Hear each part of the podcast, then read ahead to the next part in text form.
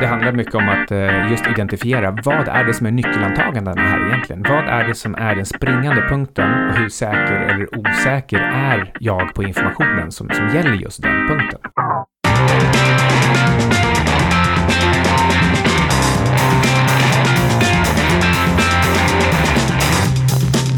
Hej! Du lyssnar på 25 minuter med Syding och Sundström, Kjell Ludvig.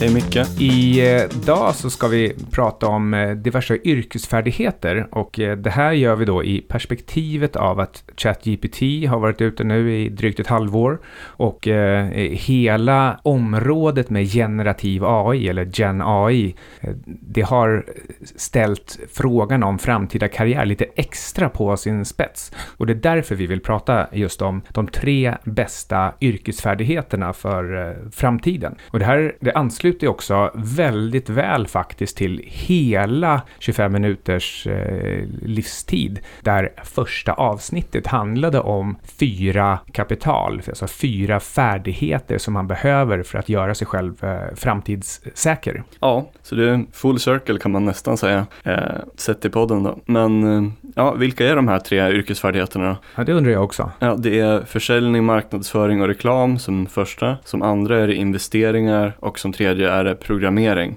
Och vi ska prata lite om de här tre olika yrkesfärdigheterna eller områdena. Liksom. Går ju att prata, säga en hel del om dem. Det är ju breda områden alla tre. Och egentligen skulle man ju kunna argumentera för att det finns en massa andra färdigheter och kunskaper som är jätteviktiga. Kanske viktigare. Eh, till exempel så här entreprenörskap. Ja, men det är ju inte en sak. Det är ju så här jättemånga färdigheter kombinerat. Kombinerat också med att du typ har rätt timing för din affärsidé och göra, gör det till en lönsam, ett lönsamt bolag. Så det är ju liksom, det är ju inte en yrkesfärdighet riktigt. Men jag, kan, jag bara tänker mig att så kanske någon tänker. Man kanske kan eh, placera yrkesfärdigheter längs ett eh, slags spektrum där om man gör det allt för specialiserat och enkelt, eh, det är då en, en mjukvara kan, kan ta över. Gör man det allt för komplext och sammansatt som till exempel entreprenörskap, ja, men då är det, det är för mycket att sikta på. Att vara entreprenör, eh, det, det kräver en, en mängd redan i sig komplexa färdigheter som man sätter ihop. Och det kräver också en, en särskild eh, personlighet eh, och, och, karaktär som man inte, inte riktigt kan öva fram. Nej, precis. Det var lite det jag var inne på. Så ja, men om vi går vidare till de här tre yrkesfärdigheterna. Försäljning, marknadsföring, marknadsföring, reklam, investeringar och programmering. Varför ska man lära sig de här? Jo, för att eh, för det första så är de rätt skalbara på så sätt att de har potentialen att göra dig mer effektiv inom ditt arbete eller nästan vad du än jobbar med. Så det passar i princip, vad du än jobbar med så kan det bli bättre om du lär dig någon av de här färdigheterna. Som går att anpassa till i princip alla branscher. Och eh, de är därför generellt användbara och ofta komplementära med vad man än kan. Jag noterar att eh, alla tre kräver en viss typ av anpassningsbarhet och att man eh, kan fånga en situation i flykten. Eh, till exempel om man är säljare, om man jobbar som säljare, då, då, då, jobbar man med andra människor. Man jobbar med att förstå dem och lyckas hålla ganska många olika eh, fakta och relationer i huvudet och samtidigt känna av vad ens motpart e-, egentligen är ute efter eller, eller tänker på eller vad de skulle kunna triggas av. Det, det, är inte så enkelt att man bara kan ha ett, ett skript framför sig. Eh, det märks ju för övrigt väldigt tydligt när det ringer en, en telefonsäljare och, och har ett skript framför sig. Det är precis så det skulle låta om en, om en AI försökte ta över säljarbetet. Det kan säkert funka i vissa sammanhang, men eh, i, om, om du ska vara en, en värdefull säljare, en riktigt bra säljare, då måste du vara mycket mer av en, en psykolog och människokännare och, och eh, anpassningsbar i komplexa situationer. Mm, ja, precis. Det funkar kanske med något AI-säljprogram som automatspammar e-mail om du har en tillräckligt stor lista att spamma. Mm. men eh, det skulle nog inte funka så bra i business to business. Men visst, man kan kanske tänka sig att det, det, sitter, ehm, eh, det sitter en telefonförsäljare och har ett eh, slags eh, ljudstyrt live ChatGPT framför sig som är specialiserat på sälj. Och det är klart att det blir ju bättre och bättre med tiden. Men, men det, det här är fortfarande inte riktigt samma sak som att vara en, en duktig säljare. Mm. Jag tänker om man tänker lite mer brett hur man kan använda de här färdigheterna skulle man kunna säga så här att sälj, marknadsföring och reklam. Om man lär sig det, då kan du nå fler personer med dina idéer och hitta fler kunder. Alltså att man, man, man redan har en idé. Eh, Säg att man har, man har en produkt eller man, man har eh, ja, någon slags erbjudande som man tror att, eh, åtminstone tror att någon annan kan ha nytta av. Eller en hemsida eller en podcast eller ja, men kanske till och med ett Twitterkonto. Ja, men just i det här sammanhanget så podcast är väl ett eh, ypperligt exempel. Hur hur gör man för att gå från, från noll lyssnare till en lyssnare till tusen till en miljon? Mm. Eh, och sen investering, ja, använd tid och pengar effektivare för att få någon slags hävstång eller avkastning på det du sätter in. Ja, det här är väl eh, det... Väldigt grundläggande. Ja, men, men också eh, just... Eh, det här är ett av de yttersta exemplen på vad som är användbart i framtiden för, för vem man än är. Och, och återigen, det finns också massa bra exempel på hur eh, automatiska system kan handla på aktiemarknaden eller kan investera. Men det finns också exempel på hur de där havererar. Eh, och det bästa, det blir nog som alltid, det är, det är en kombination mellan en, en människa som faktiskt tänker efter och som har en intuitiv förståelse för komplexa situationer, men som tar väldigt mycket hjälp av AI-system. Det är också någonting som vi kommer komma tillbaka till, det här att eh, det viktiga är att lära sig att använda systemen, att, att vara duktig på gränssnittet mellan människa och dator för att faktiskt ha en, en bra plats i framtiden. Och det gäller sälj, det gäller investering och det gäller programmering. Ja, men sen när det kommer till investering som brett kunskapsområde eller yrkesfärdighet, eh, utöver att typ hålla på med olika sorters tillgångsklasser som fastigheter eller aktier eller obligationer eller ja, vad det nu kan vara, råvaror och sådär. Utöver det så det är ganska ovanligt att stora typ ved, duktiga vd eller företagsledare, de är oftast bara bra inom sitt område, att de är så bra operativt så att säga, duktiga på sitt företag. Men bara för att de är det behöver inte betyda att de är en duktig investerare med företagets resurser, en så kallad capital allocator. Till exempel om bolaget tjänar en massa pengar, var ska de lägga det på? Nej, precis. Eh, det är lätt att jag blir lite hemmablind här och bara tänker på just portföljförvaltning med finansiella instrument. Men du tänker investering på ett bredare perspektiv. Mm, alltså många personer som, som är kanske kommit långt i sin karriär, då de kan sitt område jäkligt bra. Så de har kanske 10, 20, 30 års erfarenhet. Men de kanske inte kan investera företagets pengar så bra. Mm. Eller inte riktigt vet hur de ska tänka där. Vi har ju haft några avsnitt också där vi har pratat om just duktiga kapitalallokerare genom tiderna. Ja, men den bästa boken på det där, det är ju den här Outsiders mm. av eh, William Thorndike. Då han berättar om vd som är både jätteduktiga operativt eller har en partner som är det och eh, är duktiga capital allocators eller har en partner som är det. Och där handlar det verkligen om det som du beskrev innan, det här med, med skalfördelare. Alltså det är precis som inom sälj, att du, du har din idé och sen så ser du till att expandera den, använda hävstången maximalt. Duktigt sälj blir din hävstång för att skapa maximal avkastning på den där idén. Och på samma sätt så blir kapitalallokering, det blir när du till slut har, eh, du har fått ihop, du har fått en plattform, antingen som företagsledare eller en, ett litet nästegg med pengar. Så, så, så gäller det att identifiera, prova sig fram och hitta det som ger bäst avkastning för tillfället och sen trycka där. Så man brukar, brukar eh, det är någon film där de, där de säger, eh, när du hittar din fördel, when you find your advantage, press it. Alltså du ska liksom, då ska du verkligen använda hävstången till, till max. Och det är till exempel genom sälj eller genom just att allokera kapitalet där det funkar bäst. Eh, eh, dock inte enligt principen alla ägg i samma korg och sen titta noga på den korgen. Det är inte riktigt så man menar utan det är en, en annan form av kapitalallokering. Mm. Och sen hur kan man använda programmering och olika sorters verktyg? Ja, genom att automatisera repetitiva uppgifter. Ganska enkelt att förstå också. Men men alla behöver ju inte kunna programmering och särskilt om inte, om inte en massa bra, jag säger, och särskilt om en massa bra program skapas i fortsatt rasande takt. Däremot så måste man ju kunna använda de här programmen bra och det kan, det kan krävas ja, men, antingen en grundläggande erfarenhet av att använda en massa andra program eller att man kan liksom anpassa programmen själv med lite programmering. Jag tror att det här med evigt lärande, det blir bara viktigare och viktigare. Och det är samma sak här. Just nu när alla sådana här Gen AI-verktyg kommer ut, alltså de kommer ut i så, så snabb takt. Alltså först har du ChatGPT, sen, sen plötsligt så, så får jag mail eh, en gång i veckan med de hundra bästa ChatGPT AI-verktygen för massor med olika saker. Alla ser sjukt spännande ut, sjukt användbara ut, men det är fortfarande så att de verktygen måste man ju också lära sig hur de fungerar. Så om jag ska bli duktig designer eller författare eller programmerare eller datorspelsutvecklare, då måste jag lära mig de här verktygen. Sen måste jag lära mig verktygens verktyg och så vidare. Eh, och, och, när du pratar om att eh, använda eh, olika system eller mjukvaror eller verktyg då generellt eh, för att eh, eh, automatisera repetitiva uppgifter, då är det ändå så att det gör man ju inte en gång för alla. Utan det kommer nya kreativt framtagna uppgifter av en själv som man sen vill automatisera för tillfället. Men sen, sen blir det ännu fler nya, av, nya uppgifter som blir repetitiva. Och, och, det är bara man själv som vet vilka de här uppgifterna är. Ja, precis. Man måste iterera lite och se vart du tar den där. Eh, sen tänker jag mig att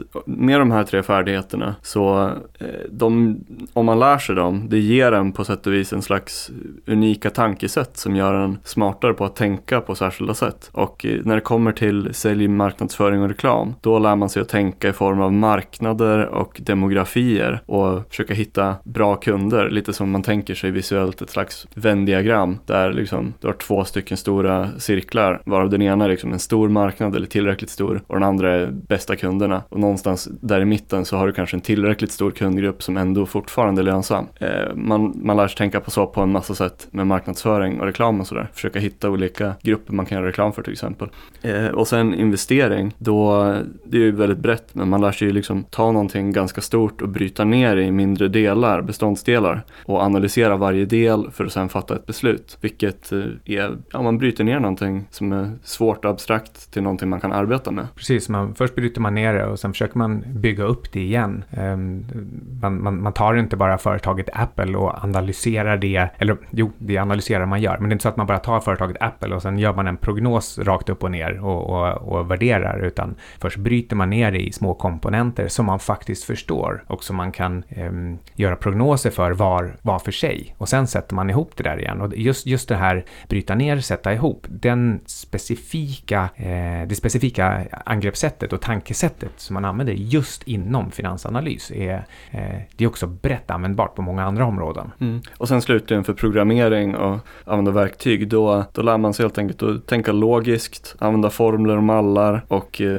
eh försöka vara effektiv. Och alla tre områden, de har ju aspekter av samma sak. Och det beror på att de, eh, de angriper, eh, kanske man ska kalla det för då, lagom komplexa områden. Och det kräver en, en viss typ av analytiskt tänkande. Men det här analytiska tänkandet eh, sker på lite olika sätt i de olika områdena. Som, som, som du sa då när du pratade om marknadsföring. Det, eh, då lär man sig att tänka i stora drag om befolkningsgrupper och geografier. Medan man kanske inom eh, investeringar snarare lär sig lite extra att bryta ner saker i delkomponenter. Men i båda sammanhangen så, så måste man tänka i olika typer av scenarier. Man, man gör prognoser om framtiden som är i stora delar extrapoleringar av historien. Men det är olika slags extrapoleringar, de är olika slags exakta. Och i båda fallen så lär man sig också att ha fel och anpassa sig. Jag brukar säga att eh, inom, inom finansanalys, ja, men då, man, man gör dels lite prognoser om aktiekursutvecklingar och man gör det också om eh, fundamental räkenskapsutveckling eller för den skull makroanalys av, av hur hela ekonomin eh, är tänkt att bli i framtiden. Och sen får man fel på, på alla tre eh, på olika sätt. Och då gör man en, eh, en genomgång och, och anpassning utifrån vad som gick fel och varför det blev fel. Och, och då lär man sig någonting utifrån det och, så, och sen fortsätter man. Och på lite samma sätt så blir det, eh, så gör man A och B-tester och, A och, och analyserar olika scenarier inom, inom marknadsföring och utfall av det sälj man försöker göra. Mm. Mm. Får göra experiment och lära sig från dem liksom. Mm. Tills man hittar något som funkar. Just det här A B, jag vet inte, det kanske eh, A och B-test kallas det för när man i grund och botten har eh, till exempel, man har en produkt att sälja. Och så säljer man den på två olika sätt. Man, man eh, har en, en blå logotyp på hälften och en röd logotyp på, på den andra hälften. Och så ser man vilken som säljer bäst. Och, och så fortsätter man att göra mer av det som helt enkelt funkade. Det vill säga man kanske inte alls hade någon egen åsikt om vad som kommer funka. Eh, utan man låter marknaden bestämma. Och det här är någonting som bland annat användes ganska, ganska rejält under eh, de olika valen. Bre Brexit-omröstningen och även eh, Trumps ursprungliga valseger. Man gjorde A-B-tester i, i liksom riktigt snabb takt på, på Facebook för att se hur kan vi påverka eh, de väljande i absolut största utsträckning. Ja, i majoriteten av de stora reklammotorerna om man ska säga, alltså typ Facebook Ads, Google Ads och sånt där, då kan man göra massa sådana här test ganska snabbt. Så här, vilken bild kollar flest på kanske? Vilken rubrik klickar folk flest på? Eh, ja, sådana där saker. Och man kan, man kan styra det själv, men man kan också ofta låta till exempel Facebook göra det åt en i realtid, eller hur? Ja, det är ju det som är fördelen att man kan göra det.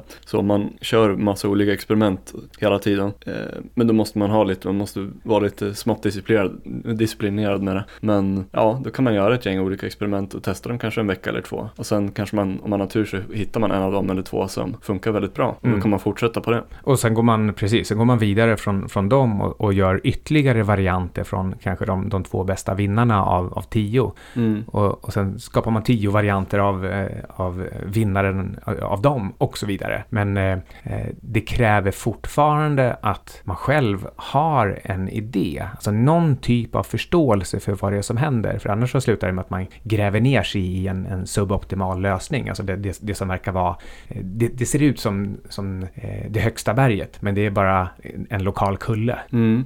Ja, nu har vi gått igenom en del av de här tre färdigheterna och det, det är väl inget jätteavancerat kanske utan det är säkert jättemånga som lyssnar som redan vet det här. Eh, om inte annat så kan det vara bra med en påminnelse att eh, om man inte kan ett särskilt av de här områdena, till exempel försäljning, marknadsföring och reklam, investeringar eller programmering och använda bra verktyg, då, då kan man göra upp ett mål kanske på ett års sikt eller någonting att kanske lägga en månad på att försöka lära sig grunderna inom ett av de områdena. Det skulle man kunna göra genom, kanske bäst genom att skapa ett kort praktiskt pro projekt där man kan applicera de här kunskaperna. Så att det inte bara är så här teoretiskt lärande. Ja, jag tror det är verkligen viktigt att man gör det riktigt konkret. Tvingar sig själv att komma igång. Kanske eh, också explicit visar åtagandet mot eh, vänner och bekanta eller kompisar, familj och, och, säger så här är det. Jag menar, precis som man gör om man ska lära sig ett språk. Då, då säger man till andra, jag, jag har tänkt försöka lära mig eh, brasiliansk portugisiska eh, det här, det här året. Och då kommer folk fråga hela tiden, hur går det? Och i det här fallet så kan man säga, så här, jag, jag, jag, tänkte bli, eh, bli hygglig på eh, investeringar. Eh, så,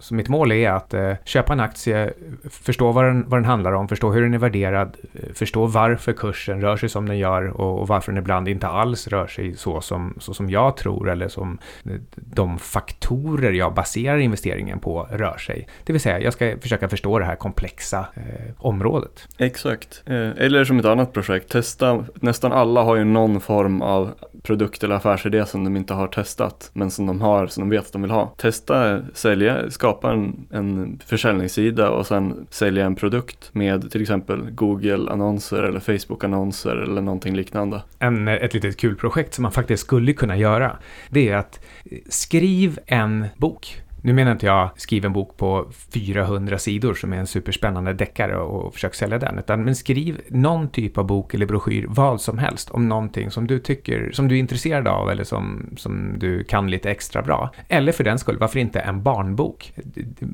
Det är inte lätt att sälja barnböcker, för det är, det är hög konkurrens, men man kan skriva en med hjälp av ChatGPT och sen kan man försöka sälja den online. Skriva en med, barnbok. Med, med, hjälp av olika, um, ja men då behöver man inte ha så högt litterärt skap skapande. Man behöver ha en, en kul idé som en femåring kan skratta eller somna åt. Det måste ju vara bilderna som är viktigast i så fall. Ja, men då är det bara att använda, nej, nej faktiskt är det inte så. Jag, jag har läst en hel del eh, berättelser för, för barn i min omgivning. Mm -hmm. De vill bara bara, de vill bara höra din röst. Och sen eh, påpekar de ibland om, om, man, om man faktiskt håller sig till storyn eller inte. Eller så kanske de till och med vill att man ska variera sig. De bara, nej men säg inte häst, säg, säg att det är en groda istället. Säg att alla, byt ut alla djur mot grodor. Um, så, så, att de vill att man ska läsa på liksom ett lustigt sätt. Eller, eller ett inlevelsefullt sätt. Liksom annorlunda, för de, vill, de hör samma story om och om, om igen. Men eh, nu var det inte så här, det är inte för att man måste skriva en barnbok. Det var bara för att eh, eh föda fantasin lite ja. grann. Bara gör, bara gör vad som helst.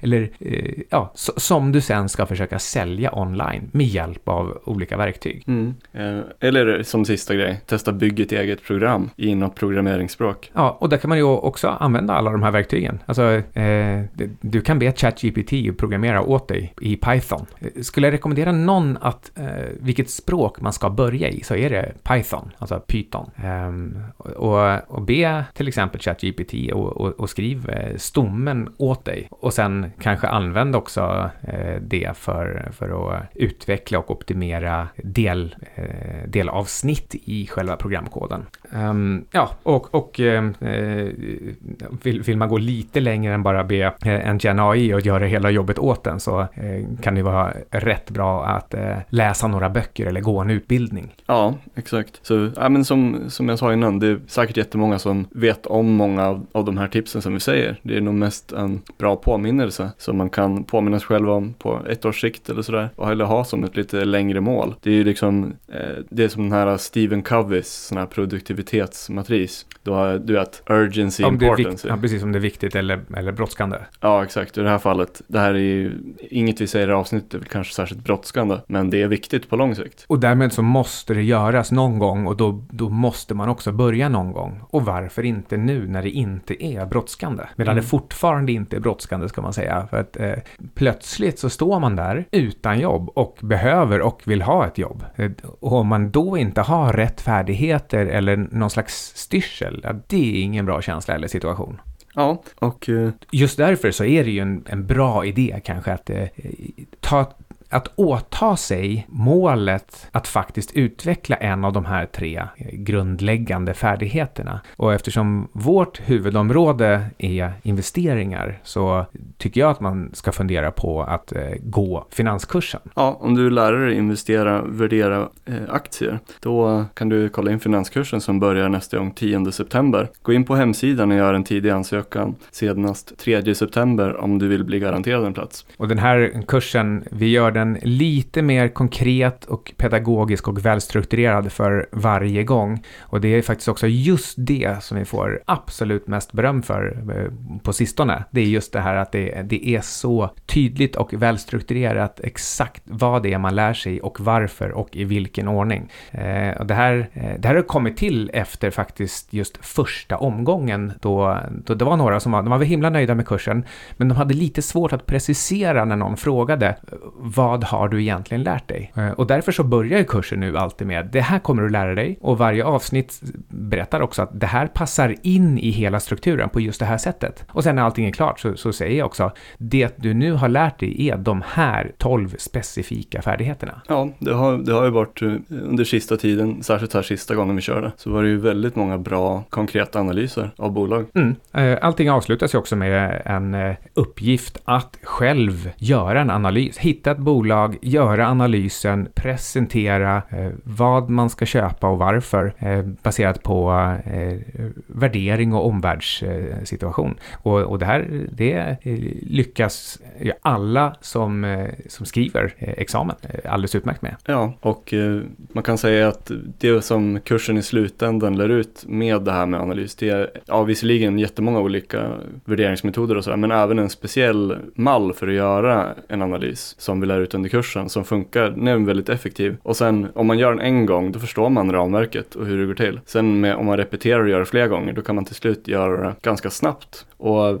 då går det, ju mer man gör det, ju snabbare går det. Till slut så kan man nästan, jag ska inte säga om man kan, riktigt kan, men nästan liksom göra en sån här back of the envelope calculation, en servettkalkyl på ett bolag och ganska snabbt se om det är för dyrt eller kanske till och med billigt. Och om det är billigt då, då sätter man sig ner och gör en riktig analys. Ja, och oftast så eh, ska det efter ett tag gå på bara några minuter att få den där första känslan för om det är värt att gå vidare. Eh, hela strukturen är ju hur man för att hitta, analysera, investera och presentera ett bolag så att någon annan på bara några minuter får en känsla för vad det handlar om. Mm, eller kan se liksom, men det här, det, här, det här antagandet känns konstigt eller för svårt. Ja. Eller så kanske det är rimligt. Det handlar mycket om att just identifiera vad är det som är nyckelantagandena här egentligen? Vad är det som är den springande punkten och hur säker eller osäker är jag på informationen som, som gäller just den punkten? Ja, ja precis. Ja, men det kanske räcker för idag om eh, tre eh, färdigheter. Mm. De tre bästa yrkesfärdigheterna. Eh, och då